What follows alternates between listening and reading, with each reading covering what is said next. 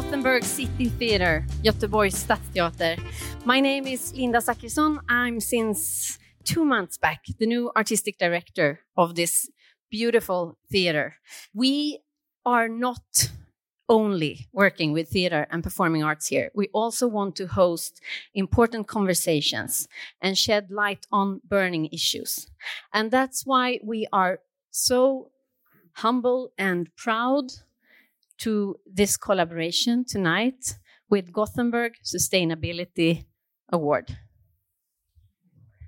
Thank you so much. We are also so very happy to be here. My name is uh, Sara Larsson, and I have the great privilege of serving as the Executive Director for the Win Win Gothenburg Sustainability Award. And our mission is to reward and encourage outstanding solutions to the most challenge, most urgent challenges facing the world today. And each year we have an annual theme. And for 2023, that is fighting disinformation. And this evening, you will be listening to the award recipients of the Win Win Award, Eliot Higgins from Bellingcat, and also the winner of our Youth Award, Abbie Richards. But for this uh, specialty theme, we also have a theme partner that we work with throughout the year to highlight this important um, theme. And I would like to welcome up on stage uh, from Fri Tanke Förlag, Fri Tanke Publishing Company that we work with, their CEO and publisher, Christer Sturmark. So, open source intelligence, online journalism fighting disinformation. That is your passion, right? Um, to an extent, really, um, the reason I set up Bellingcat is because I recognize the value of open source investigation, especially when in this modern era we have so much disagreement about what's really happening in the world. I mean, we've really seen it in the last week with what's happening in Israel and Palestine, yeah. a lot of division. And uh, my hope is that through educating people with open source investigation, we can actually find the truth and have you know real accountability for things that happen in the world. But you started this the Bellingcat. What is it? Is it ten years ago, something like that? Yeah. Let's just clear, make it clear. Why do you call it Bellingcat? Where does the name come from? So in um, 2012, I started blogging under a pseudonym I used online, um, called, which was Brown Moses, which was named after a Frank Zappa song I was listening to randomly at the time. Okay. Yeah. Um, and uh, I had been blogging under that name for a couple of years, really from um, the, really the early birth of open source investigation as we know it now. And I wanted to create a website where people could come and learn how to do open source investigation because I thought it was really valuable, but also have a place where they could publish their own work under their own name. So I was trying to think of a name for a new website, and um, all my names were terrible. It was like the open source and those kind of things. So um, I phoned up a friend of mine who's a playwright because I thought he would be creative, and he suggested Belling the Cat. And he said that's a fable about a group of mice who are very frightened of a large, ferocious cat. So they have a meeting of all the mice. They come together and they discuss the various things they can do. And they come up with the idea of putting a bell on the cat's neck. But then they realize that no one's brave enough or knows how to actually get the bell onto the cat's neck. So I thought that's, you know, you know, very much what I want to do. So I went to um, a GoDaddy and looked up the URL, belling the cat com, and that was $4,000 to register. So I looked up bellingcat.com and it was $40. So that's what I used. Very good reason. So, okay, so for these 10 years, you developed a, quite an extraordinary organization. Could you just give the audience the details of how, how big is this organization? How, how do you work in practical terms? So um, when I founded Bellingcat, um, I funded it with Kickstarter and raised about fifty-one thousand pounds. Hmm. Um, I'm not going to do the conversion into Swedish krona because uh, it's t- too hard. Um, but that it's was up and down, you know. But yeah, it's um, it was just me and a few days later, MH17 was shot down over eastern Ukraine. Yeah. And the online community that formed around that kind of reformed around Bellingcat as well. And since then, Bellingcat has grown into an NGO that's based in the Netherlands. We have about 40 staff members based across the world. Uh, we have a large team of volunteers as well, and just really a broad network around us. And, um, you know, we continue to expand every single year and doing a lot more work on a bigger range of topics. Mm. And how many people t- in total would you estimate that work for you today? Uh, it, it's a hard figure to with all the volunteers, but we have uh, 40 staff members. We have about three dozen highly trained volunteers who are part of that. But we also are part of just networks of organizations and individuals that you know could count into the thousands sometimes. So we kind of draw on all of that for our work, and um, that allows us to really punch above our weight, really. Mm-hmm, mm-hmm. Could you just help us to define the concept of, of uh, open source journalism? What exactly do you mean by that concept?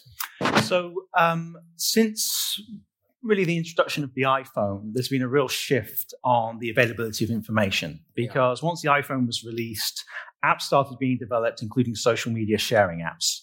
And those social media sharing apps created a vast amount of data. Um, around 2011, we started seeing um, content coming from the uh, Arab Spring, a lot to do with Libya and then Syria. And this is where really where this um, idea of open source investigation, as it's seen today, emerged. This digital evidence um, analyzing it, understanding it to really get insight on what's happening on the ground in these places. And that's where I started off first, kind of arguing on the internet about what was happening in Libya because um, I am not a professional journalist. My background was basically doing admin for finance kind of units and stuff like that. But I was just really interested in what was happening in Libya and really sick of the debates online that were just based off people's kind of political opinions and biases. Whilst I could see these videos and photographs coming from Libya that had useful information in them, but the mainstream media didn't want to use them because they'd been burned before. Um, there's one very well known incident from 2011 where a lot of newspapers had been citing a blogger called Gay Girl in Damascus, but she was in fact a white guy in America who was just making stuff up. And that really kind of burnt them. Um, so rather than using any of this content, they were ignoring it. But I basically figured out how to verify where stuff was filmed. And from that point onwards, started building up uh, kind of a, variety of analytical techniques that led me to founding Bellingcat. Mm-hmm, mm-hmm. And today I know that you're also involved in television productions, actually. So you're Okay, tell us about that. What is going to happen there? Yeah, so um, in 2018, we were involved with a documentary called Bellingcat uh, Truth in a Post Truth World. Uh, that was a very long process and it ended up being very frustrating because it's really hard to find it to watch anywhere. It won an Emmy and you can barely see it anywhere. And I really had hoped that film would be a way to get the message across about Bellingcat, but it wasn't a Bellingcat production and we had no control of it. So we've recently set up a production company and that's currently adapting um, some of our work into, we're doing a documentary on uh, assassinations, for example. Um, we're also doing more podcasts. We had a very popular MH17 podcast, so we'll be doing there.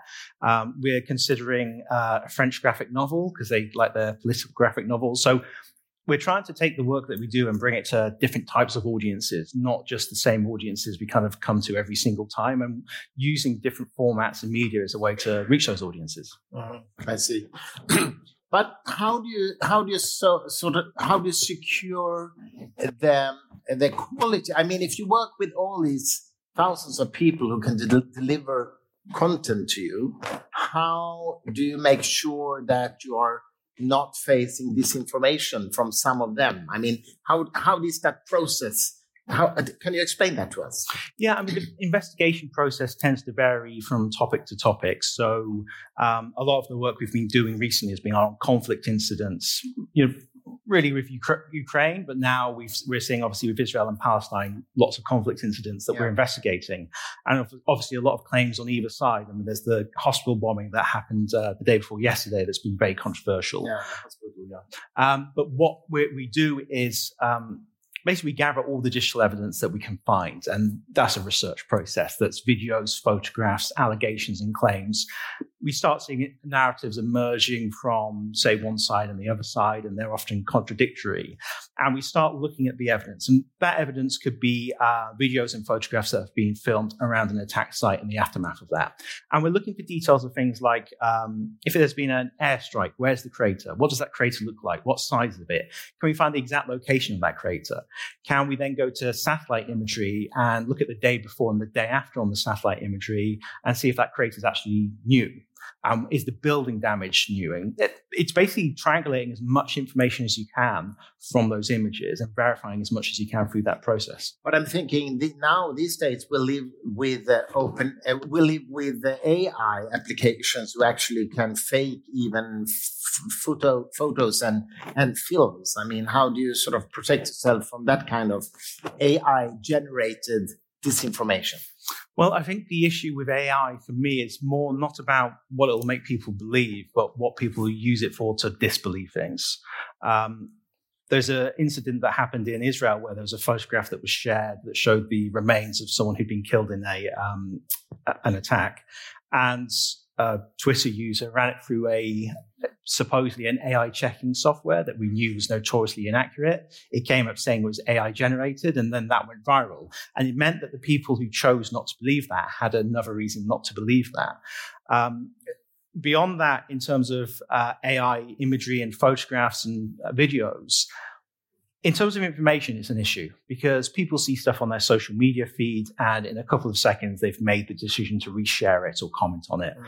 They aren't zooming in to look at the little details and the discrepancies. So stuff goes viral. In terms of evidence, it's less of an issue. One of the key things we do with open source investigation is a process called geolocation. So that's using geolocation. Yes, that's using um, reference imagery such as satellite imagery, things like Google Street View and other images to compare it to the piece of evidence we're looking at and saying, where exactly was this filmed? And that's a very important part of the process. I would almost call it the core part of our methodology. Um, and the thing with AI is it can't recreate scenes like that. If you tell it to, you know, recreate the Eiffel Tower, you'll have a building that looks similar to the Eiffel Tower, but it'll look a bit weird and wonky and the metal will be on the wrong places. But if you're talking about, you know, a street somewhere in Gaza, it just won't know how to recreate that. And immediately it kind of fails at that first test. Mm-hmm. So in terms of evidence, it's not a problem. But in terms of information, it's a real threat. I see. Yeah. Um, could you tell us a little bit about? I mean, you you you really uncovered a few big stories in, in, during those years you have been working. I'm thinking of, for example, the chemical weapons uh, in Syria, for example. Can you just t- tell the audience about that process? How, how did you work with that case? And, and yeah, tell us about it. So um, when I started blogging in 2012, um, I was looking at videos from Syria. I don't know any Arabic whatsoever. So I started looking at what the videos were actually showing rather than what people were saying in the videos.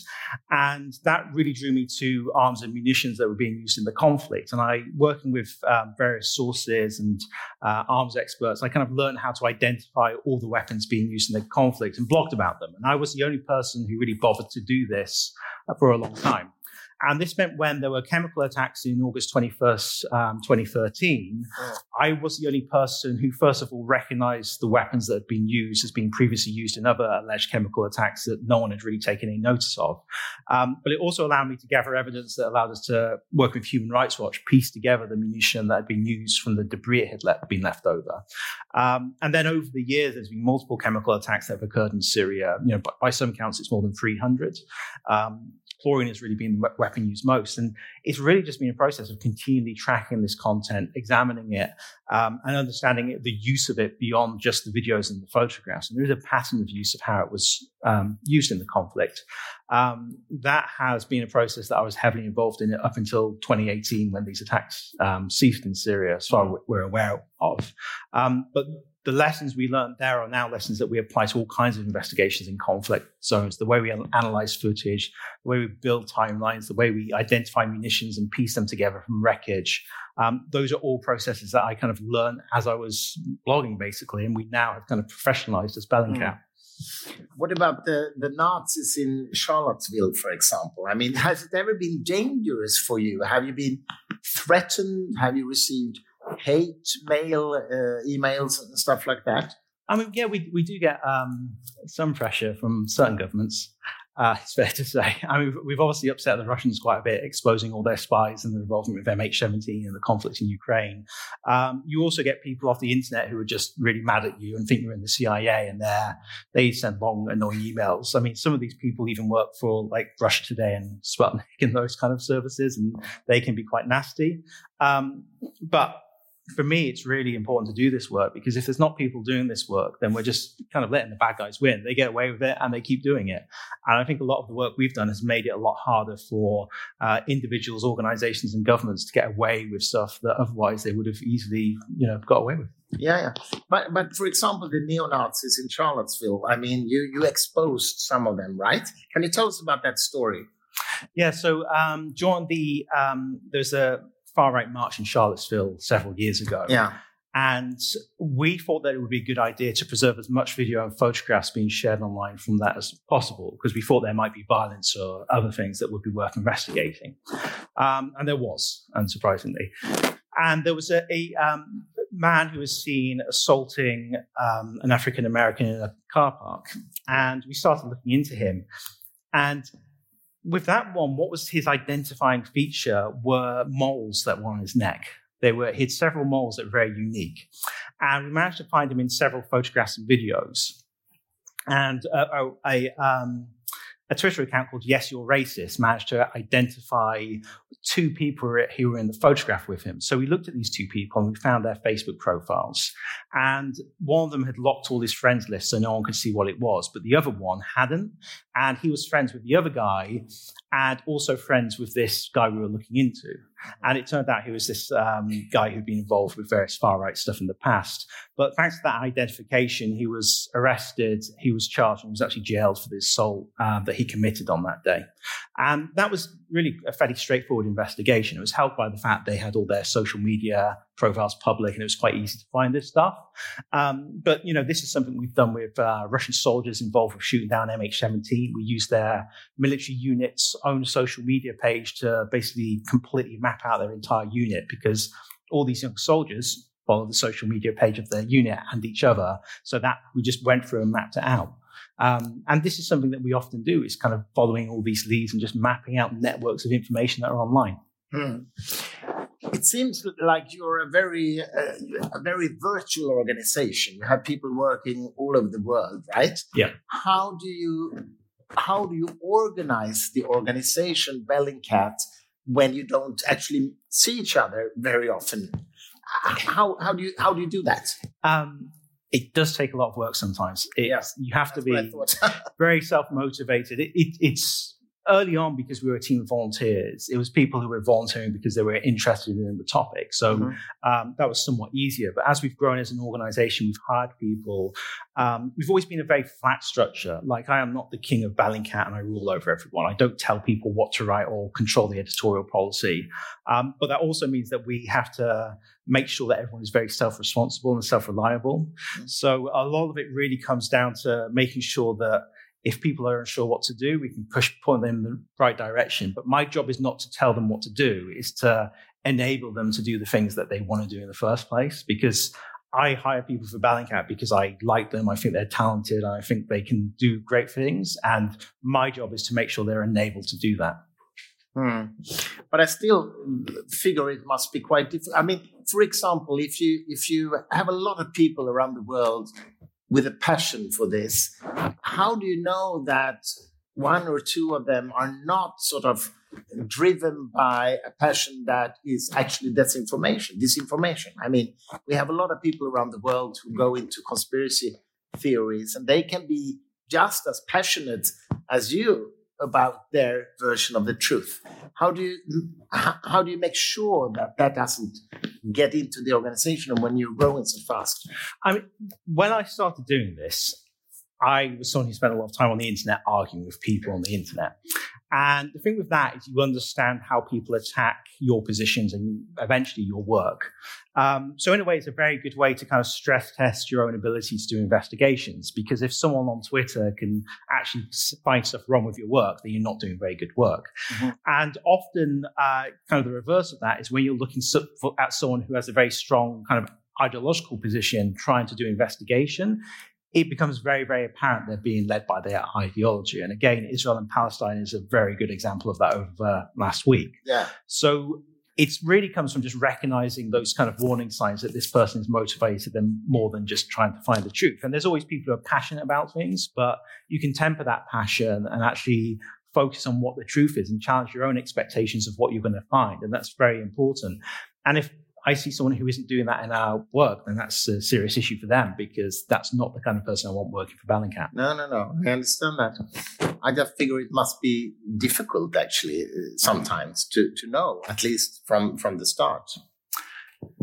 I mean, it, the thing is, usually people have a reputation. If they're doing open source investigation, Mm. they're usually people who are very online. So they have an online presence. So you can see what they've said going back in the past and what kind of words they've used to describe certain things. And you can start seeing the biases emerge from that. So it's usually quite, actually quite easy to pick up on that before they become a Bellingcat staff member. Mm. Um, the other thing you have to keep in mind is you're always being accused of being biased if you're a Bellingcat member. There's always someone saying that you, you know, you love the US, you work for the CIA and stuff like that. So we always have to be very, very careful about how we present information, the language we use. Um, now we have a larger organization, we have a strong editorial team, and they kind of lead the editorial policy. Um, and a lot of that is about the precise language we use. We have so many lengthy, lengthy debates about exactly the word we're going to use to describe this one thing. So it can't be biased or misleading or confuse the reader. Um, even the information that we might choose to present in an article, sometimes we have a really long discussion about. Again, this hospital bombing, we published an article about it recently, looking at the crater, um, the impact crater that was shown in videos and photographs. One thing we did is an analysis of the direction of fire of that crater, but we didn't use it in the article because one possible scenario is there was a misfire of a rocket. And if there was a misfire, it probably went off course and therefore that analysis would be worthless. Mhm. If that analysis was then published, even with the caveats, we know people will still use that to say, oh, it came from this direction and actually ignore that we were saying that. And so it's those kind of discussions we're having constantly. And that again is something that's led by the editorial team, not by the leadership and you know myself. Yeah, I see. But I mean, I just wanted to ask you about this, the latest terrible war, which is Israel and, and Hamas. I mean, it's more polarized than ever right now. And uh, how do you, can you can you feel a tension, or even among your team, so to speak, where they take different stance, or, or how do you deal with that? Because I find it the most polarized discussion that exists in the world right now. Um, among our team, I, I, really haven't seen that. I think w- w- the thing is, we've done lots and lots of research where there's a lot of polarization Yeah. anyway. This is the most popular, in a sense, polarization category at the moment. What we're seeing a lot of really is um, some people have been focused on this issue for a long time and they're angry for various reasons. But you also see people who are using this as a way to attack the other side on whatever issue they're interested in.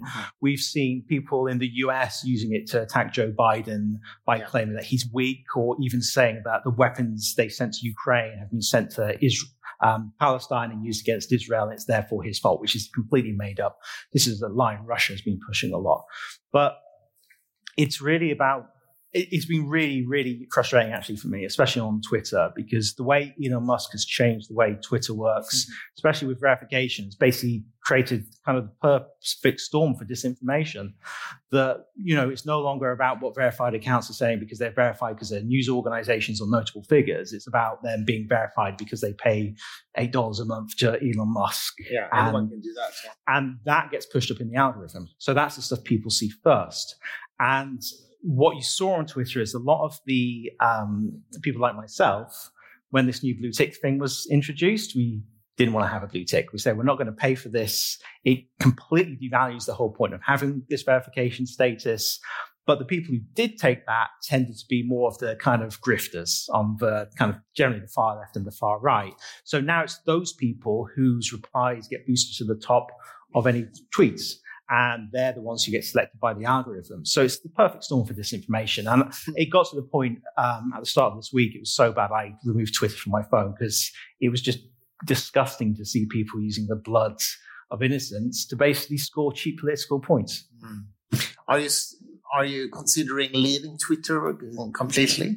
I, I really wish I, I could say yes. I'm kind of going down with the ship on that one. The the best day of uh, kind of my social media life in the last year was the day when, um, for 24 hours, Elon Musk for some reason put a limiter on how many tweets you could read within an hour. And it was like such a small number that I just suddenly I was free to do other things. I started playing the piano and rediscovering music and stuff like that. But um, yeah, I I, I, kind of hope Twitter dies and that I can be free of it. And there's no way I'm joining another social media platform after that because I, I'm I have the wrong brain type to be involved in social media. I think. okay, let me ask you finally. Uh, now you have been awarded this Win-Win Gothenburg Sustainability Award 2023. It's quite a lot of money, actually. How, how, how do you plan to use it? Well, um, getting all the prize money, so we're going to reinvest that in. I mean, it basically covers enough for a researcher for a year, so that'll be someone who's working on uh, a whole range of uh, different topics. So, so um, yeah, it'll, it'll produce more high quality work. I hope. That sounds wonderful. Eliot Higgins, give him a big hand. Thank you so much.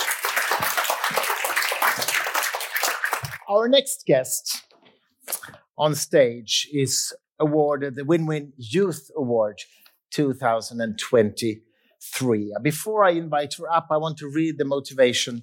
She is awarded this prize for her remarkable ability to educate and engage a diverse audience using humor, facts, and accessible graphic design, as well as her ability to facilitate a deeper understanding of some of today's most complex and pressing societal issues.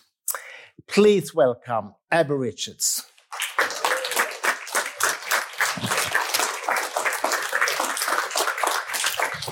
Please welcome. Welcome. Uh, Abbie, first, how did all this start for you? Oh man. Um so one day during lockdown, yeah. I was running past a golf course and I got really upset with the golf course for existing. and I got on TikTok and I just made a rant. Oh, thank you. Mm. Uh, I made a rant about golf, and this is because I have an environmental background. Um, and it was pan- it was like right at the start of the pandemic, and it just felt so deeply ironic that there were people out there taking up all this like space and golfing and and other people like didn't have any space to to even like isolate for themselves um and it went viral and all of a sudden i became the anti golf girl and so all of a sudden I had this like internet presence and I was like, oh, I'll just lean into it. I'll keep like deep dive, uh, deep diving into into the the golf question. Um, but I had this presence online and it was you know summer of 2020 and there were all these conspiracy theories and like misinformation floating around um, and I kept having to debunk it just over and over again not because I was an expert but because like these things were obviously false and they were just based in, in these little misconceptions people have about how the world works. Um, and one day I was having a conversation with someone about conspiracy theories and which ones we would believe, if any. Uh, and I got so frustrated that there was no categorization because, you know, I knew that like some conspiracies are real, but then I also know that like some are quite hateful and false and really harmful. Um, so I made my own on the back of my results from a chest X-ray. Uh, I just drew it out, and uh, again, I posted it, and it went viral. And suddenly, I was in this position where people were asking me all these questions about conspiracy theories, and um, I was lucky enough to have a lot of researchers who took the time to like sit with me and explain them to me. And then I would take those like hour, two hour long Zoom calls and turn them into a 60 second TikTok. Because you're, you're known also for this wonderful conspiracy chart. I wish we could show it here, but we can't actually. But anyone can Google it, the conspiracy chart. And you developed it since your first version, of course. Um, but it's it it sounds in a way that it's all started because you were locked in during the pandemic Absolutely, and wanted yes. to have something to do. I was bored. But, yeah, yeah. But I understand. But I want to go deeper than that. Why were you not not one of those who started to follow a conspiracy? Why were you one of those who sort of uh, protested to this? Wh where did that come from? I've always loved learning I'm wrong about something. I find that to be like one of the most satisfying experiences mm, mm. is when there's a, a, belief that I hold and then someone can explain to me why that belief is wrong and I change my mind. And Mm. I've loved that that experience so much. And that's why I think I loved debunking is like I would take something that I believed and somebody could debunk it for me and I'd be like, wow, that's such a good point. That makes so much sense. And I feel like I understand the world better now. Um, and I think it was that exact passion that kind of pushed me into debunking in the first place. Yeah. Um, also, you know, I fell for conspiracies when I was younger. I absolutely have been in that, like, have had that, held those sorts of beliefs, um, and realized that they were quite harmful and not helpful for making change. Because obviously there are at least some conspiracies that would be fantastic if they were true. I mean, it would be cool if astrology worked, for example. I don't, I don't think astrology is a conspiracy theory. No? I'm so sorry. Uh, t- tell me, the idea that something invisible controls your life and what's going to happen is that. I think that that falls more under religious thinking than conspiratorial thinking. Mhm. conspiratorial thinking we're talking in general like it's it's more of a there is some sort of group with power some sort of magical thinking But the there. stars have power. They are defining your future again but that's and your I, personality. I think that's more of a religious thinking Okay, a okay. religious view of the world Yeah. um, which is not a chart that i am signing up to make All right. I'm just trying to test you a little bit here. Okay. but i do think other conspiracies would be a lot of fun a lot and a- all the alien ones i wish were true i wish they were true so bad yeah. And that you mean that that's a conspiracy in the sense that they say it's it's uh, hidden by the government. Yeah, being covered Okay, up. There's so some in sort that sense, it's a agents, yeah, conspiracy. Yeah, covering it up. Yeah, it would be wonderful if it was true, wouldn't it? Oh my god, I wish we Yeah. lived in Men in Black. Yeah. That would be Yeah, I So agree with you. imagine just finding out that like people have been erasing your memory all the time. Yeah, yeah, yeah, yeah. Um, I mean, part of what makes conspiracy theories so comforting is that we also want to believe that there are people who have that amount that amount of control. Um, it's it's this fascinating phenomenon where we simultaneously are like, oh, they shouldn't have that much power, but we find it super comforting to think that like there is somebody in charge who knows what's going on. You know, Mm. if there are like lizard people running the world, at least someone's making decisions. Yeah, yeah, yeah. Good point. yeah. Uh, for a few years in America, you actually had almost that, but that's another issue. Yeah. Yeah, my country's fun. Uh, no, but seriously, this conspiracy chart that you created, uh, um, can you help us visualize it a little bit? Because because you categorized the conspiracy in, conspiracies in, in a few categories. Could, could you explain that to the audience? Yeah, of course. Um, so it's an upside down pyramid.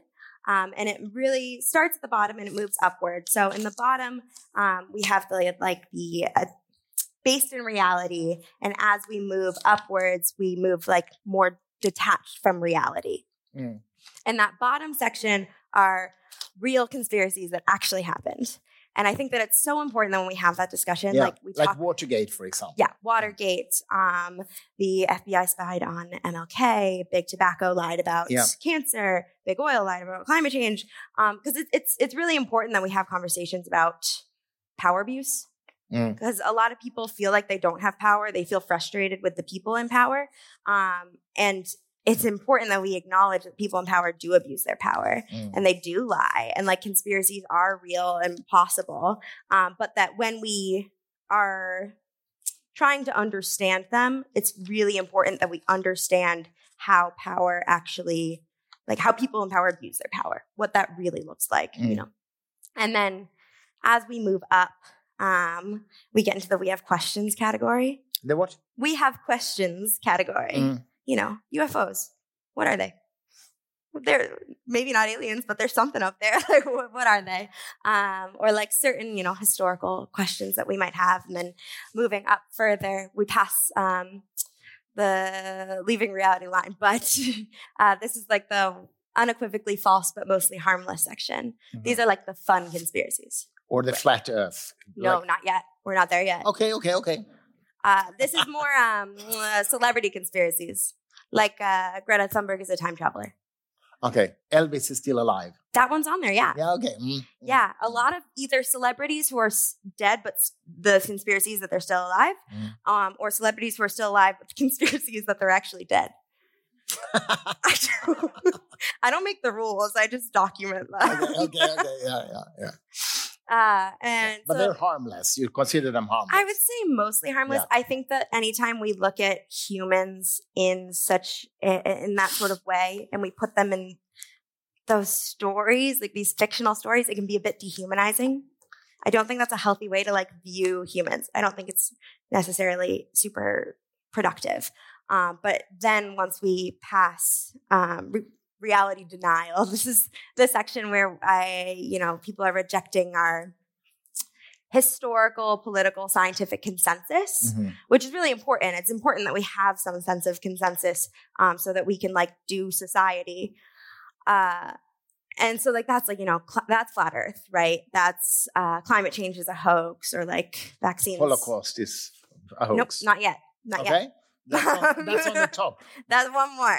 Okay. mm, So then, once we pass the anti-Semitic point of no return, Okay. mm, that's where we get to um, you know holocaust denial qanon great Mm. replacement um, cons- so those are conspiracies in which there is a tiny group of people with near like supernatural ability to control the world um, and that's really rooted in this anti-semitic blueprint of conspiracy theories from the early 20th century mm. uh, so yeah, the framework of that entire conspiracy model, if there's a secret group of people controlling the, the world, um, is just based in an anti-Semitic disinformation um, piece of literature from 1903.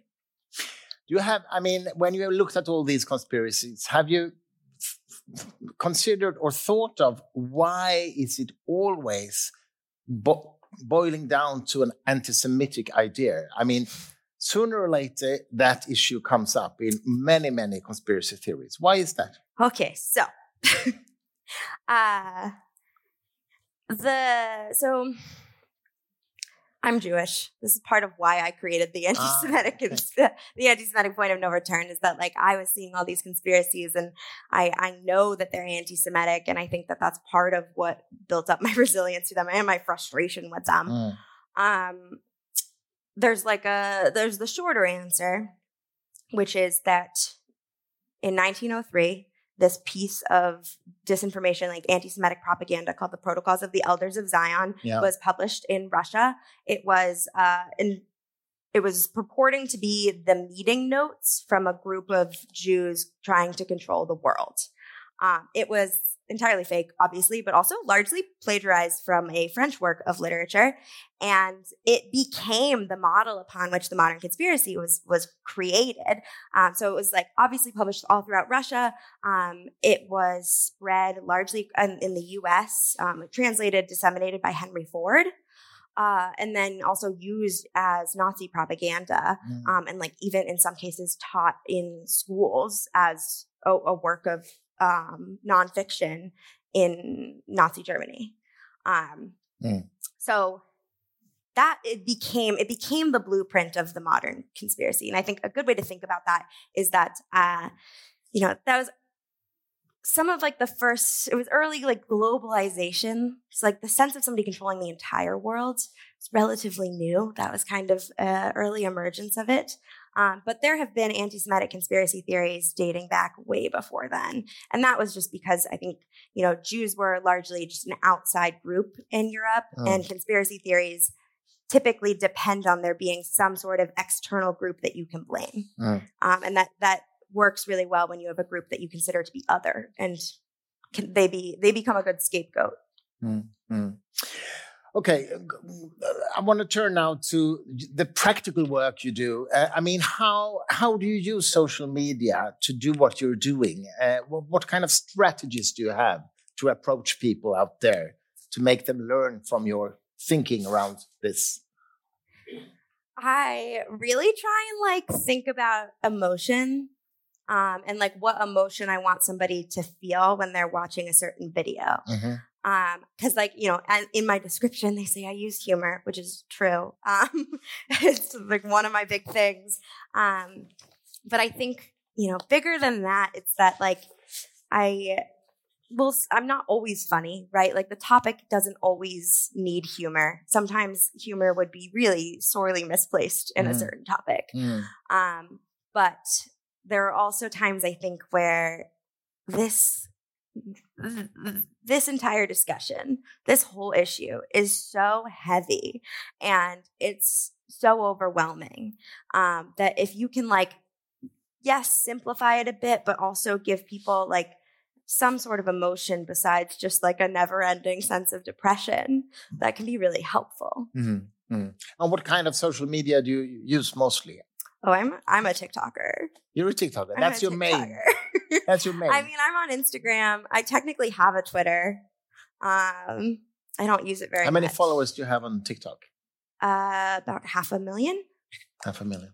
What kind of reactions do you get? I mean, do you get hate reactions as well? Yeah. Oh, of course. Yeah. How do you deal with that? I mean, emotionally. It, it's um, it's hard. I'm not gonna lie. Like, it's hard also because as a woman, you're you're told like not to feel feed the trolls, right? Like, mm-hmm. don't give them a response because if you show that that you're getting worked up, right? If you show that it affects you, they'll know that it's working and they'll keep going. But that's also a kind of a way to silence you because now you can't really speak up about all of this abuse that you're receiving. Um, so I often have felt kind of paralyzed between those two options. Mm.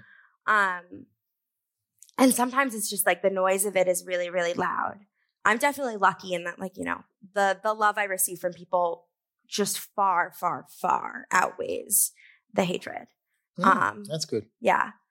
And you know, I've never gotten a hate comment from someone hotter than me. That's no, but but still, I mean, I mean, when you really get threats on the internet, it's it's quite emotionally hard to to say to yourself, "I should go on anyway." I mean, have you have you ever considered stopping because of that? From a hate comment? Yeah. No. Or a threat? No. No. So. Good. Good. good. Good. Like I've considered stopping because I was tired. Mm. Um, but even then, like I just I usually take a nap. I usually just need yeah. You can you can do it next day. Yeah.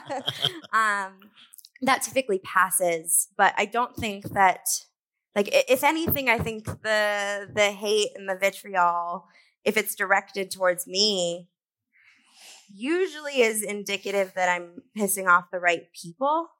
Um, like they wouldn't be targeting me if they didn't see me as some as you know a threat to what they were doing, mm. and and yeah, if they didn't think that like what I was doing was powerful, I don't think that they would be wasting their time on me. Are you getting invitations to to talk on different, eh, you know, places? Yeah, a lot. You do that a yeah. lot. Yeah, I love this.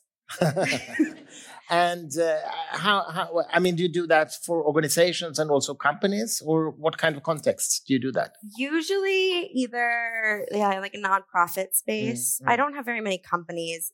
I'm not like a super profitable and like marketable girl. Mm-hmm. Mm-hmm. Uh, like I don't sell things. I'm not the type of influencer who's like selling makeup. Um, one time I sold shoes and I decided it wasn't for me. Um, but I do get, yeah, a lot of like speaking engagements with nonprofits mm. or um, educational opportunities, a lot of like conferences, a lot of news organizations, mm-hmm. those sorts of things. Mm. I must ask you about a few more conspiracy theories that's out there. I mean, Bill Gates. What does this poor man has to do with conspiracies. Well, he's not poor. Yeah, well, I mean, poor man. Why is he always a target for conspiracy theories? I don't understand that. This computer nerd who started with programming basic and then created Microsoft. Why is he such a focus for conspiracy theorists? I think mostly because he's just publicly very, very wealthy. Mm. Uh, I think other billionaires have made the smarter decision of keeping their wealth a little bit se- more secret. And when you are less out in the open with the way you're spending your money as a billionaire, uh, I think it's easier to get away with like slightly less scrutiny and becoming part of these these narratives. Um, yeah, because we see the same like people people just get obsessed with billionaires and Mm. i understand the sentiment um i just think it's a little bit misplaced But I mean, there is there is not so many conspiracy theories about Elon Musk, and he's much more crazy than Bill Gates. but like bill gates i think the way that he's trying to like spend his money is part of it is like Okay. you you what like right like bill gates's um foundation kind of has they have their their hands in a lot of different projects Mm. and anytime anybody wants to loop in a bill gates conspiracy it's easy because you have that foundation money Mhm. um, elon musk isn't like he has his companies but i don't think he has quite like the yeah he doesn't have his fingers in quite as many projects to be Mm. pointed at even though bill gates is not out here deciding which exact project he's going to fund like that's what his foundation is doing but as soon as his name is attached to it it becomes like bill gates this evil billionaire who's out here Mm. trying to ruin society and turn mosquitoes into drones or whatever Mm, mm, I see. Okay, wh- one more question. Uh, what, what kind of advice would you give on a very practical level to someone whose friend is sort of going down the rabbit hole in one or more one of more conspiracy theories? How do you talk to a friend that is going the wrong direction? It's really tough. The first thing that I always say, because I, I get this a lot, um, the first thing I always say is that you should take care of yourself and make sure you're okay, um, because that can be really emotionally tiring. Um, but then beyond that, I mean, you can have these conversations. I recommend rather than trying to like correct everything that they say, I recommend like approaching it like trying to poke their beliefs with a stick.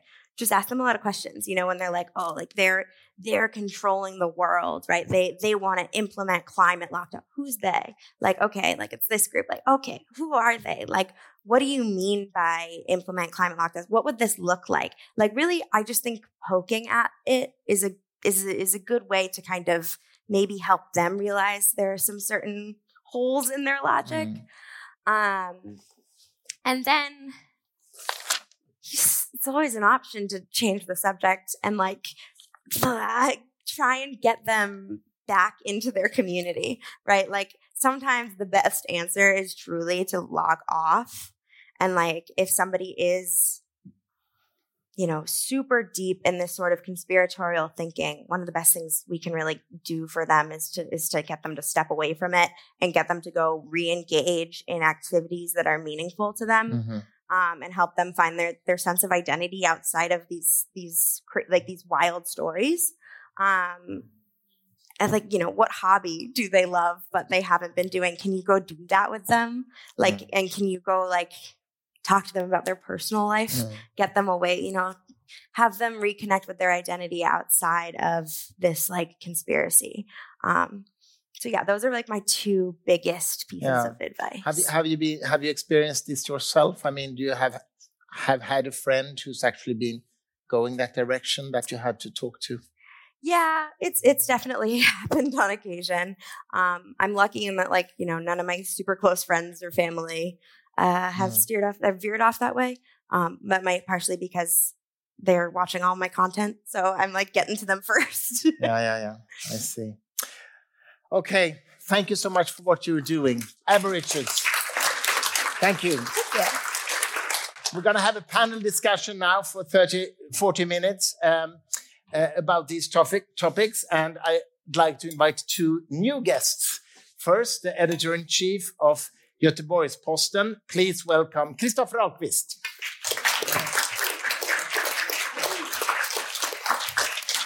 and also uh, the professor of philosophy, member of the Swedish Academy, Åsa Wikforss.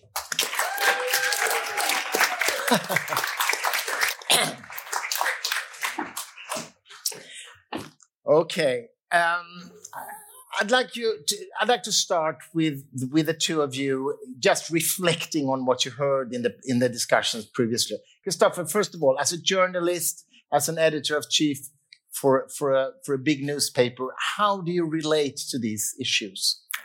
Um, well, well, it's two different matters, I'd say. I mean, like the conspiracy theories. I mean, we're we're like conspiracy theory for for some people. I mean, they they believe that we're the mainstream media that we're trying to hide stuff. Mm. Uh, so so in that sense, uh, I believe that it's so important for us to try to like educate what we're doing and the reasons why we're doing certain things. Uh, and uh, but the hard thing is that we're like educating the one that already believe in what we do it, it's so hard to reach out further out to those who really need that education uh, and, and and the other thing is is the in that sense is what how should we uh, report about those issues as well uh, how do we choose when is it uh, reasonable for us to tell about the conspiracy theory and when is when isn't it uh, and, mm. and, that's not the that's not an easy question to answer i'd say mm. uh, the, the risk is of course if, if we don't uh, report about something i mean you can do it for a while but it will be like a uh, an emptiness about the subject, and the subject will be discussed somewhere else, and then something happens that really affects people. Uh, uh, in, in, like in Canaan, all of a sudden, it, it's not just a conspiracy theory; it's something that actually threatens democracy in like a, in like a really um, visual way. Mm. and if we haven't reported about this before, then it looks like a bit like fools as well. So so it's it's it's it's of course how you report about those things that that's the issue. Mm. Yeah. What's that? What's your reflections on what you heard before the break? Uh, well, I'm incredibly impressed, mm. in awe. I mean, we are. I I been writing quite a bit popularly about uh, disinformation and knowledge resistance, and I lead a research program on that. And uh, it's incredibly hard to counteract what's going on now. There's some very powerful actors out there. Uh, it's uh, our psychology is not well suited to this information landscape that we have now. Let's put it that way. That's putting it mildly. Mm. Uh, so it creates really very, very scary situation. I think we need two things. We need very seriously good journalism, which you have been so incredibly creative about finding new ways of doing that. Um, I think that's super important, and we need uh, we need to reach young people in creative ways. Um, that's what you've been doing, and I'm super impressed with that. Uh, because if we don't reach the, young, I mean, if we look at numbers across the world now, we initially there was the idea, well, the young will be okay. They're internet savvy, right? No, mm. not really. Uh, and also, if you look at numbers like when it comes to uh, trust in democracy and stuff, you have some horrifying numbers in the latest World Values Surveys. So the young people we need to desperately to reach. So that's my thoughts. Åsa, can, can you tell us a little bit about your research project? Because you are researching cognitive aspects of, of this disinformation landscape. Tell us about it. What do you do, what do you research. I mean, it's it's a cross-disciplinary research program yeah. funded by Riksbankens Jubileums fund, and it's uh, a group of philosophers, psychologists, political, political scientists, and media and communication scholars that look at the um, these challenges. Because it really is all like all wicked problems, as it were. It is it requires cross-disciplinary tools. Uh, you need the philosophy to sort out what you know what knowledge is, what rationality is, what evidence is, these sort of basic things. What is a conspiracy theory really? Uh, why is it not a good theory?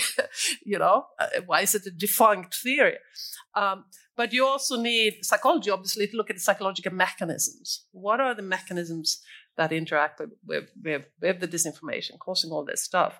Uh, so we do psychological experiments. And then you need the political scientists to relate it all to the political landscape, partisanship. What is that doing to our cognition? Uh, our tribal thinking, all that. And you need, very importantly, the media and communication scholars looking at the flow of information, the flow of disinformation. For example, when it comes to conspiracy theories, we have uh, our media team has looked at how does a conspiracy uh, conspiracy theory become really, really big? Well, it, it usually starts on like 8chan or 4chan or some low, you know, nasty corner of the internet But when it becomes really big is when traditional media goes out to be to do a good job and fact check. That's when it gets really, really widely spread. Now they do this with the best of intentions, right? But even just mentioning and talking about these theories gives them this spread because it's always someone finds it fascinating and starts reading more about it than before you know it. Uh, so it's really tricky because, like you say, you can also not t- completely ignore it because then you will feed another conspiracy theory, namely that you're darkening things, you're hiding yeah. things, right? But if you do write about it, you have to write about it in the right way, like you were saying. So that's one thing that our research team has shown. Indeed, eh, and was looking at the Pizzagate story, that didn't become big until the, the traditional media picked it up. Mm-hmm. I'm thinking, uh, Eliot, in your work, how do you sort of balance between the necessity to give both sides their uh, possibility to express their opinions and at, at the other in the same time not to create a false balance when the evidence is all on one side or mostly on one side. How do you how do you deal with that kind of dilemma? Well i kind of think you have to start thinking about when you say the sides around something. Yeah we deal with conflict incidents where more often than not, the two sides are people who are investigating the incident, analyzing the evidence, examining the data. And on the other side are people who are rejecting that because they believe often it's part of a some form of conspiracy. Um, the work I did on chemical weapons attacks in Syria, for example, very frequently came down to the other side claiming that the white helmets who were involved with a lot of the rescue around chemical weapons attacks were part of a conspiracy to fake chemical weapons attacks. And that anyone who claimed that these chemical attacks were real were also part of that same conspiracy, including myself, Bellingcat, anyone, any experts we work with. So you're dealing with people who fundamentally do not want to deal with reality. Mm. And I think we really need to look at why people are like that. What is the root cause of that? I think there's multiple reasons for that. One that I've encountered a lot in my work is um, what I like to call traumatic moral injury. Uh, so moral injury is the sense that your sense of morality can be injured by circumstances, and these can be a wide variety of things. If we're talking about chemical weapons attacks in Syria, it's often uh, the invasion of Iraq in 2003, where governments effectively colluded um, with the help of the media to a certain extent to invade Iraq and cause a huge amount of damage that even today we're seeing the effects of. Now, that is not illegitimate to be angry about. There are reasons to be unhappy about that, to you know, blame George Bush and Tony Blair, the news organizations that took their word and helped promote this idea. Um, the, the problem happens is when people who react to that, rather than just kind of processing that, it becomes the lens they see the entire world through. And from that point onwards, the US, the media, the governments of the West are basically the bad guys in every single situation. And they start framing their perception of events that are even happening today around that. So when there's a chemical weapons attack in Syria, it's fake because it's just like WMD in Iraq again. It has to be about the US and the West trying to steal Syria's oil, as much of that they have, or some other theory behind that. And um, the problem with the internet is now you have whole communities like that. If you think like that back in 2003, it was, you know, you find some communities around that, but now on the internet, you just find a whole media ecosystem that will feed that and will expose you to new ideas and new theories. And it also provides information, like in the personal case of Bellingcat, that Bellingcat is part of this George Soros CIA funded conspiracy uh, against Assad and Syria and everyone right thinking person in the world. The other thing to remember is these people do not think of themselves as conspiracy theorists in many cases. They think of themselves as noble truth seekers. Well, no one does, right? well, yeah, this is the thing. And so when we're criticizing them, we're the bad guys because they're the heroes and we're the evil people mm. going after them. And what I found in my work is when you, um, I, have mentioned this a lot actually when I've been here, but there's a documentary called uh, Behind the Curve, which is about the flat Earth movement, and it follows them and um, their experiences and talks to them. And I when I watched that, it kind of all came together for me because who they are, the way they work, the communities they build, the motivation is basically just the same as all these other conspiratorial communities. They're kind of, they believe in a large conspiracy. Usually the government's involved. Often that's rooted in a deep distrust of the government that has various kind of moral injury behind it, and it defines their entire worldview. And they surround themselves with people who reinforce that idea. And when they test their theories and they turn out to be wrong, they reshape the world around that to say, actually, either the, the world is wrong or I was wrong in the experiment I did, but I need to do a better experiment. And we have this with so many topics. I've worked on, you know, MH17, Syrian chemical weapons, the conflict in Ukraine, so many topics, and it's the same pattern of behavior repeated again and again. So how do we then address the root of those issues? And I think that with the work of Bellingcat is what we're trying to do next. Hmm. I read somewhere just the other day that the conspiracy theory that the moon landing was a fake. Some uh, political scientists calculated recently that uh, that if that was fake, then about 400,000 people now living must be a part of hiding the, the truth behind that. And that's quite a large number to keep silent for 55 years or whatever it is, 54 years. So that's, that's at least an, an argument. Again. But plausibility was never the Sorry? plausibility is not where it's coming from, right? yeah. It would be incredibly impressive if yes. that many people were keeping a secret. Yeah. Um, I always say, you know, like it's almost like these people have ever tried to like throw a surprise party. Because like if they had, like they'd know that like eight people in on a secret is hard enough. But like faking an entire moon landing and the number of people. Same with flat earth, right? Like how many air traffic controllers need to be in on this yeah. for it to be true. yeah, yeah, yeah. But I mean, it's it's it's amazing. I mean, I met with a very well-known Swedish actor. I won't say his name, who actually told me he doesn't believe uh, the moon landing ever happened, and he told it to me and Christer Fuglesang, who is the first Swedish astronaut. Not the right person to say it to, but uh, that's another story. um, okay, but going back to the question of of um, false balances, or no, I'll, I'll take it from another perspective. Abbie, do you ever encounter people who wants to promote crazy ideas, and when you react to it, they say, "Don't cancel me. That's cancel culture. You should allow me to speak my mind." Ah, uh, yes, the free speech brigade. That, that's what I mean. Yeah. yeah. How do you handle that?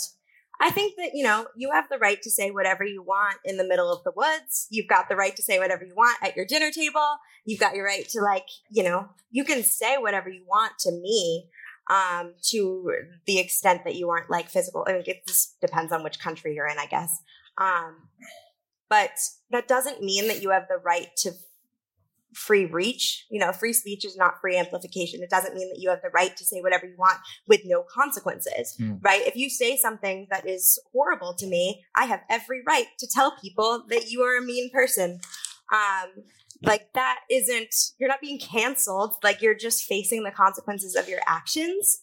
And I think that overwhelmingly now, especially the, the, recent shift we've had in society where we've gotten a lot more inclusive, a lot more inclusive with our spaces and also with our language.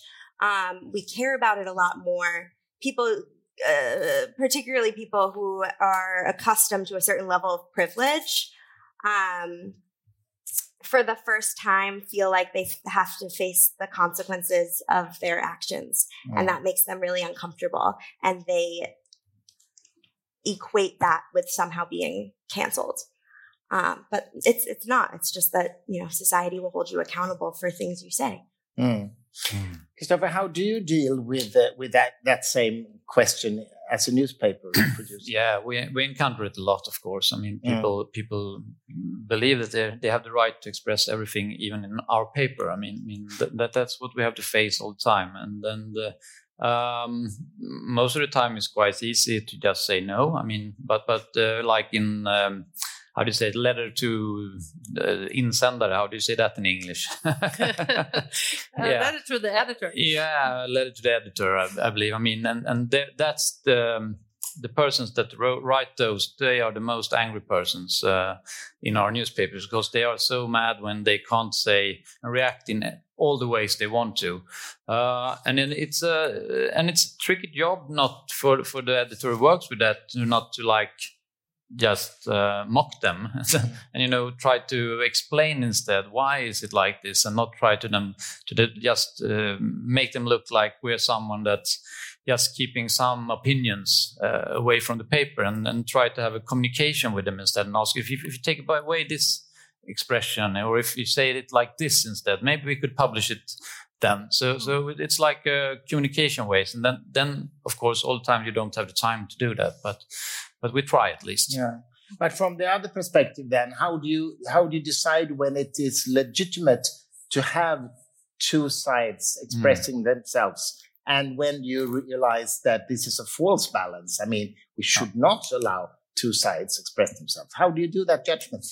Yeah that, that's that's not like it's not like a, a, a set of rules that decides that it's like an ongoing discussion all the time and it Mm. depends it depends on the situation of course is there something i mean if there are like um, some with really uh, extreme opinions in some way, and then when we write about this, maybe it's uh, it, it maybe it's uh, reasonable that we at least ask him where does this opinion, opinion comes from, and we then we can like try to uh, write about it afterwards. He said something, but but it but it the the tricky thing is uh, uh, is more like people's views, I believe, on on who should be reliable, uh, and and that that's something that has been under attack much more nowadays. I mean, uh, organizations and and uh, uh, things that mm, some people think are trustworthy, other people think are like the worst lie, and a part of this conspiracy as well. Like uh, we talked before about Expo, uh, an organization here in Sweden that like investigate on on uh, racism and stuff, and people, many people believe or I believe it's more often that people uh, write to us and say you can't rely on them. You, you, they're they're a part of the political agenda as well. So so it's becoming more and more tricky to find sources that are uh, like re- reliable for a major part of the society. It's getting narrower the view on what you can rely on in different groups all the time. Yeah, I mean that that is in a way what's distinctive of our current era. Uh, and it's fallout of the fact that we, we had this transformation of the, the information media landscape where you went from a limited source number of sources to what we call a high choice information environment. And in the high choice information environment, there's competition about who to trust. And uh, it's the, and the choice increasingly falls on us as individuals. So we're not very well equipped to do that choice, make that choice. So uh, a large part of the propaganda and the disinformation is about uh, manipulating trust. Uh, that's uh, and conspiracy theories are part of that, but there are other ways of manipulating trust too. Uh, so trying to undermine trust in reliable sources, so people don't take the available knowledge from those sources by calling them, you know, the enemies of the people or the fake media and so on. And then move the trust to unreliable sources. Uh, and if you look in a lot of countries, um, I mean, you, you have this astonishing, like in the US, you have this astonishing sort of trust in media. Sort of Democrats, Republicans following along here from the 70s, 80s, 90s, 2000 and 2016. Something happens. We know what happened then, right? we have a president who decides to manipulate trust. So the media trust becomes politically polarized. And that's a very dangerous situation. We have a similar development in many Western countries. We have a sim- similar development in Sweden. So the trust in public service, for example, is totally politically polarized. Uh, what happens then is that people don't, when they don't trust uh, the same sources, and uh, you you get this polarized, uh, fractured conception of reality, uh, and you get this sort of intractable factual disagreements. And in a democracy, a democracy, we always have disagreements, but usually the intractable ones are value disagreements because those are harder to sort of to overcome. But now we also have intractable factual disagreements, and that's really really bad news because that's when democracy falls apart, and you get as a result intractable political disagreements. Hmm. So that's where we are, and trust is key. Yeah. Yeah. I think I'm so glad that you brought this up because the shifting information landscape that we're in is so fascinating and I think has to be like central to this conversation. Obviously, it's like we went from, you know, uh, a society where we had a few news outlets and you typically, everybody g- generally got their news from the same few sources. And that very quickly became everybody gets their news from a million different sources. And it's very easy to frame that as like, oh, bad because we've lost our central guiding information. Um, and I think it's important to point out that that also has benefits. Um, you know, for the for many people, this is the first time where they can get their news from somebody who looks like them, who speaks like them, who they feel like they can see themselves in.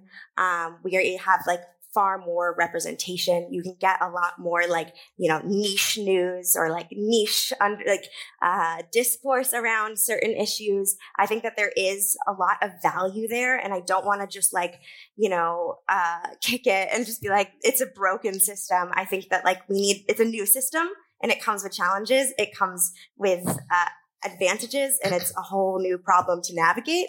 Um, but that doesn't mean it's, it's only bad. Mm. Mm. But but uh, I, I, my feeling is as well that the people now that are like um, don't trust the same things anymore. It's not like they're not like believe that the Earth is flat. I mean, it's it's more regular people now that has misbelief in in in things that we a few years ago ago had the same feeling about, and and and that's that's a quite scary uh, development, I believe. Exactly, exactly. Yeah. Facts that we know how to you know find out. And we can't come to agree on anymore. And that's a very scary development. And this is why when back in 2016 with the election of donald trump um, i was involved with a lot of organizations who are working on countering disinformation. And i really hated it. I saw basically loads of people saying oh it's russia who got donald trump elected. Give us lots of money so we can identify bot networks that ultimately had no impact whatsoever Fox News got Donald Trump elected. Yeah. It had a lot Yeah. more influence. let's not Russia forget about that And I think with this kind of shifting media landscape that we're dealing with, the way that gatekeepers kind of, you know, no longer have that individual power, we need to actually think about this as a huge societal shift. This is hmm. not a minor thing that has happened to us over the past really decade and a half. Um, and we, I really don't think a lot of policymakers really understand that because they're always thinking about the symptoms and they're never addressing the root causes of this. Because the root causes of this are really, really hard to address. Um, it's hard to think about. It's hard to even understand for a lot of these people. And a lot of people who deal with this, the politicians and policymakers, um, the people they listen to are the people who back in 2016 were saying, hey, we need to counter disinformation by identifying bot networks. Please give me 5 million euros to do this.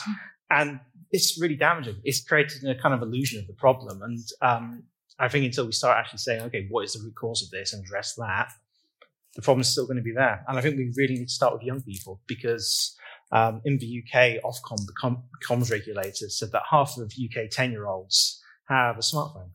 And I think it's a much higher percentage than that based off my experience with my daughter who's here tonight.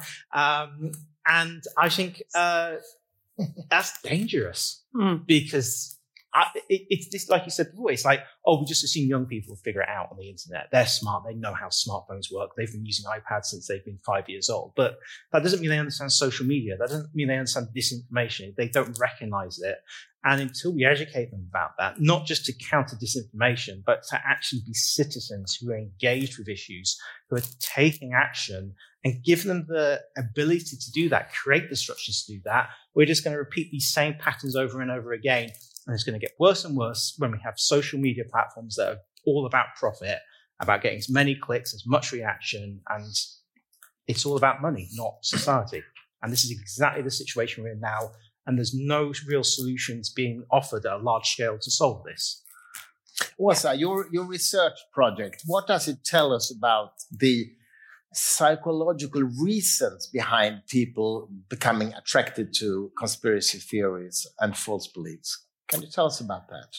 Um, so we haven't looked exactly at causes of. I mean, we look at the mechanisms like motivated reasoning, confirmation bias, and was interesting that you were sort of talking about how people once they have this worldview, they just look for evidence that confirms it, and that's a very mm. powerful mechanism. In The this. confirmation bias. Yeah, so the tendency to just look for evidence that confirms what you already believe and not even see the evidence that goes against it. And that's a very powerful mechanism that interacts with this new information landscape because it's so easy to go out and find things that confirm what you believe in a way that it before.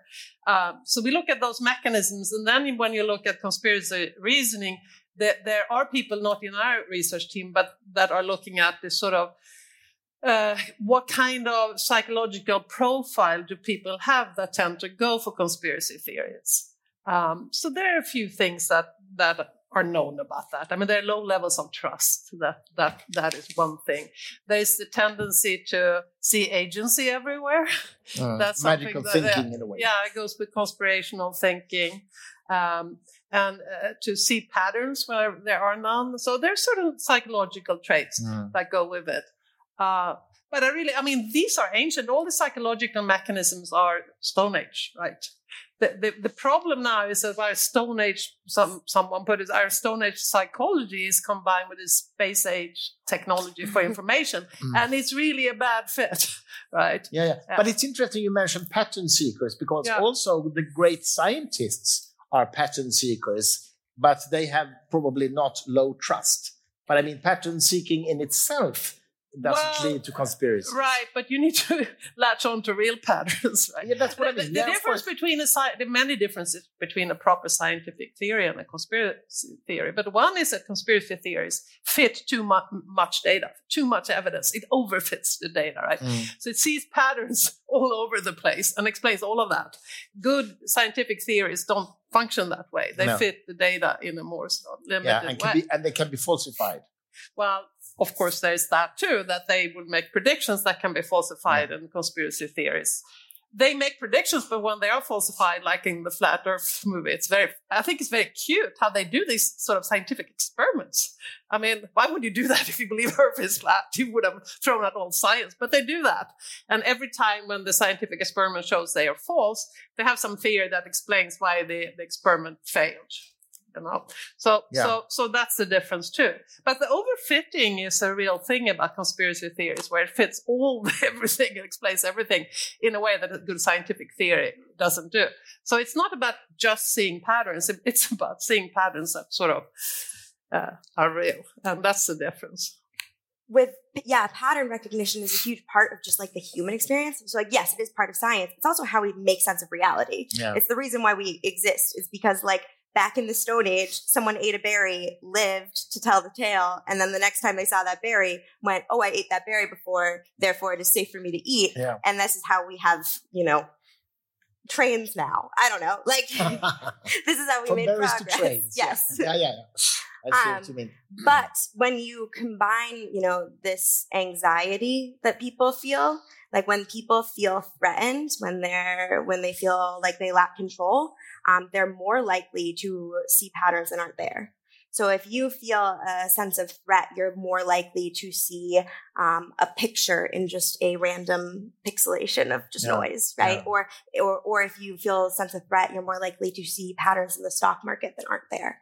Um, so if you are already subscribing to one of those belief systems and you believe that the world's being controlled and everything's evil and that everything you have no power, you feel more threatened. Therefore, you see more patterns, and, therefore, and the cycle perpetuates. Hmm. forever. And it's also, I guess, uh, when when a person sort of loses control of his or her own life in a way, uh, in some way, then you're more likely to to go to. Or is that not so? Yeah, I don't know the if there are data on that, but the, certainly, the, like I said, low trust Mm. and um, and of course, like you were stressing very much this sort of sense of community that you find when you go into one of these yeah. Facebook groups or what, wherever it is that you find your your fellow conspiracy believers. Um, and that's that's why this advice of trying to get them out of that is so very powerful because what happens often is that they lose their normal social contacts. So they, they Mm. spend five six hours a day on YouTube, whatever it is, uh, uh, and they lose the contacts with their you know children and their spouses, and and and and then when they don't have that normal social network, then the the, the important social network yeah. becomes the other conspiracy theories Yeah. yeah. believers and so so so that's very much part of it too that you can, you can find a kind of community it has that sect like quality right so Yeah, and in a way, I mean, in a way, you can understand the attraction of that. I mean, imagine that you actually find yourself with a group of people who has seen the light, has realized something that the rest of the world hasn't realized, and we have big conferences talking to each other about this great knowledge that we have. I mean, I can understand why it's attractive. no sure it's very exciting i get lots of mail from conspiracy believers because they i i claim there's objective truth unlike some people but anyhow they love me for that they're like yeah, finally Yeah, someone yeah, who yeah, takes truth seriously. Except then they go about trying to find out truth in, a, in, in, in not such a serious way. But but so they certainly believe they are on a mission, an important one. I think a lot of this as well comes down to a sense of empowerment that they feel. That they Empowerment. Yes, Yeah. and that many people feel disempowered, and there's reasons for that. They feel detached from politics and the way the media Hmm. operates, and really, you know, the world around them. And fortunately, the online space gives you a way to find like-minded people who are concerned about things. You can build status there. You feel empowered, and you find other people who you disagree with online, and you shout and scream and insult them, and you feel a little bit better because you fought against the good fight against the bad people. When in really reality, you've done nothing. You've upset someone, maybe. You've made no improvement in your own life. Hmm. You may feel better about yourself, but really what has changed around you? And I think when we address these issues, we have to kind of think, okay, how do we actually empower people in a positive way? How do we actually bring people into, you know, government, media, policy in a way that reaches lots of people, not just people who are often self-selecting, often highly educated, often from certain social groups. Um, because if we don't do that, we're just going to keep on repeating these same patterns. And um, work we're doing at Bellingcat at the moment is really kind of focused on this idea. We're developing programs for schools where we're going, and um, initially we're teaching them young people about, you know, basically the world as it is now, not the idea that oh, there's disinformation everywhere and you've got to fact check everything because that's a really good way to bore school children. What you need to teach them how to do is say, okay, what's happening in my world that I care about? We're, we're doing a pro- this project with a group called the Student View, and they really impressed me because they've been going into schools, um, often in deprived areas, and showing young people um, how to do basic investigative tasks into issues that affect them. There's one example in Bradford, in a deprived area, where the students who are have a really bad relationship with the police and they really don't like the police for a number of reasons. One of which is the number of high-speed police chases that happen on their street. They're talking about kind of young mothers walking down the streets with young kids, and a police car speeds by, and they don't know why that's happening. So, a journalist who was part of this and teamed up with them told them about freedom of information requests, and told them that they could ask the police how many high-speed police chases there were. And the kids were amazed that you could t- make the police give you information about things. Hmm. And they did that, and they got a result back that showed that they had one of the highest rates of high speed police chases in the entire country on their streets. And that became a local news story. It became a national news story. It changed something in their own lives. It brought attention to that. It empowered them to make change. And if we can keep doing that, if we can build that and not just build it in one area, but build it in a network of organizations working with schools, I think that can be something that pulls people away from finding these online spaces where they're just mad about stuff and have no real impact. Um, and I think that's something we live in a network and connected world. So let's make the most of it in a positive way for our society.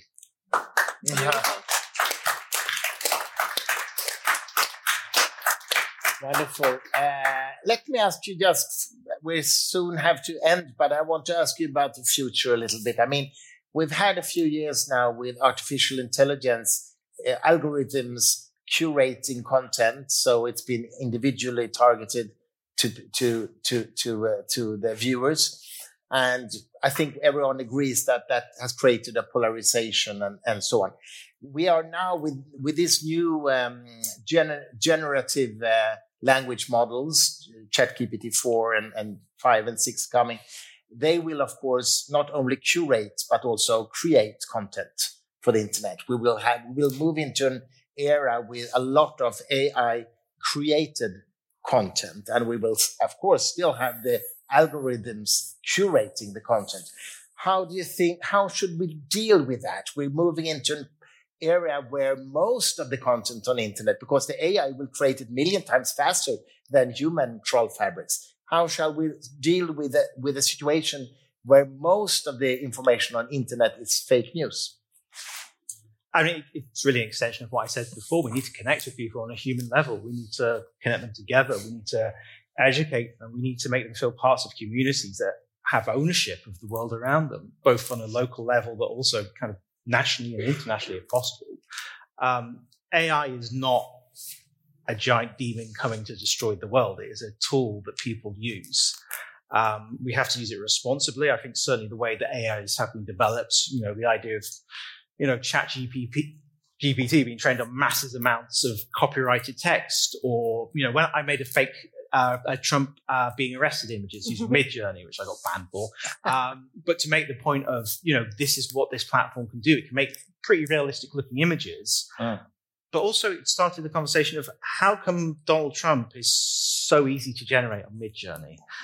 Why have all these celebrities, famous people, public figures been used to train AI? I'm sure, you know, when I made uh, Tom Cruise as Donald Trump in a movie and it came out perfectly. I'm sure Tom Cruise didn't have his identity given permission to use for training AI. There's massive ethical considerations there. So we need to start looking at those issues. We need to look at the way social media companies should have a responsibility on developing technology that allows AI imagery to be detected as it's being posted not relying on things like community notes that 24 hours later might give you a fact check on an image that's been seen 10 million times already, because that's completely worthless in this current circumstance. Hmm. And um, I really think there needs to be regulation of social media companies that forces them to actually take this seriously, not just do just more fact checking. Because we've been through that in 2016. We had Facebook setting up this community of fact checkers to do their job for them, and it wasn't terribly effective. So I really think there needs to be more pressure on social media companies because they are the ones who are really undermining the fabric of society quite frequently. Yeah. Okay. Abbie, what do you think? I mean, I would echo everything that Eliot just said. I, I don't think that AI is this demon that's coming to get us. Um, I think that the systems that it's operating in are the bigger threat. Um, the fact that it performs so well that this like AI generated content can like outperform and and go crazy viral with these algorithms um, it concerns me less because it's AI and more because the algorithms push out sensationalist clickbait and that like these social media companies they aren't building spaces with the intention of creating like a healthy and balanced society. Like they aren't building their algorithms to try and create well-informed citizens. They're building their algorithms to make as much profit as they possibly can. Um, so i want to see social media spaces that aren't prioritizing profit. Like i want to go further than just regulating them. Like i want people to be creating digital spaces that aren't just about the bottom the bottom dollar and their fiscal gains that quarter. Um, I, that's that's where I want to see you know the internet moving, uh, and that's why I think when it comes to like conversations about disinformation, so much of the time you know we're using this like violent language, right? Like fighting disinformation, combating disinformation, and like I do think that this is much more of a healing disinformation conversation. Mm. Um, I don't think we need to be fighting it. I think there are major systems that are working exactly as they were intended. And this is the result of those systems working exactly as they were intended. So we need to be fixing those systems.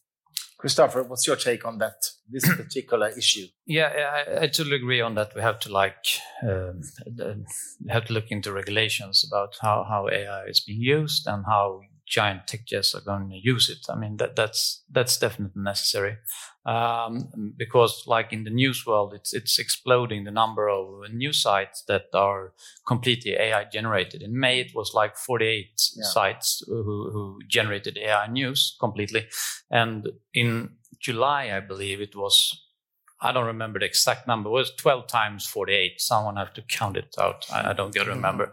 But in just two months, it was 12 times the number of sites that just pushed out AI generated news. And one of them pushed out 1700 uh, news a day. Uh, it's the most that mm-hmm. any other news out- outlet. Mm-hmm. Uh, and it's just the beginning. Yeah, it's just the beginning. But I don't, I don't really think that that's the, I mean, that, that's, that will be our unique selling point in the future. I mean, that will be what we do. We're going to do something else than those sites are going to do. Uh, the, the real issue is the issue about trust, I believe, uh, to, to that not enough people will trust us, what we do, and believe that that's the right way of doing it. I think that's a much more bigger problem than AI generated news, actually. Yeah. Åsa, you will get the last word in this panel. Then our time is actually out. We're screwed. no, no, no. You can't end with that. you can't end with that. Well, I, I, really do worry about AI tremendously. Uh, mm. I think we're so ill equipped to handle that. Um, and what to do. Right. Well, we need to do lots of things. I mean, I, I totally agree there needs to be regulation of the platforms, and but that we've already decided before AI came into the picture that this can't.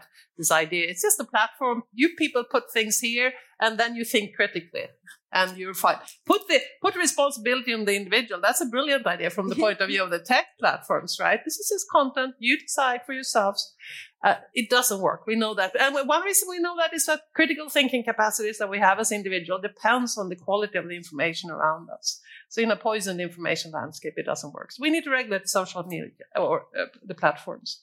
Uh, and we need now additional legislation around AI. I don't know what, what it's going to look like. We need to know what's what. We need to do all sorts of things around that and also what data are we going to allow it to use um, but i also love the idea of some some sort of positive way of thinking of how internet could be used in a good way different kind of platform that's not driven by these uh, algorithms about by you know uh, commercial interest just trying to keep our eyes on the content on the platform as much as possible because that always ends badly we know that. Uh, and i think that's that's going to happen. I think it's like if you think about the radio when that came out first right? That was used for nazi propaganda. Mm. and it was a very big part of hitler becoming coming into power and doing what he did uh, and and that, but it was also when when uh, in Britain they realized we need to do something, and BBC Public's radio started right as a way of educating people. We need the BBC of of internet kind of equivalent to to to do something good with it. But because of course it is also a source of knowledge. It can be. Mm. Okay, wonderful. Thank you so much for that. And uh, please continue with what you are doing. Thank you so much for coming, all four of you. And thank you for coming.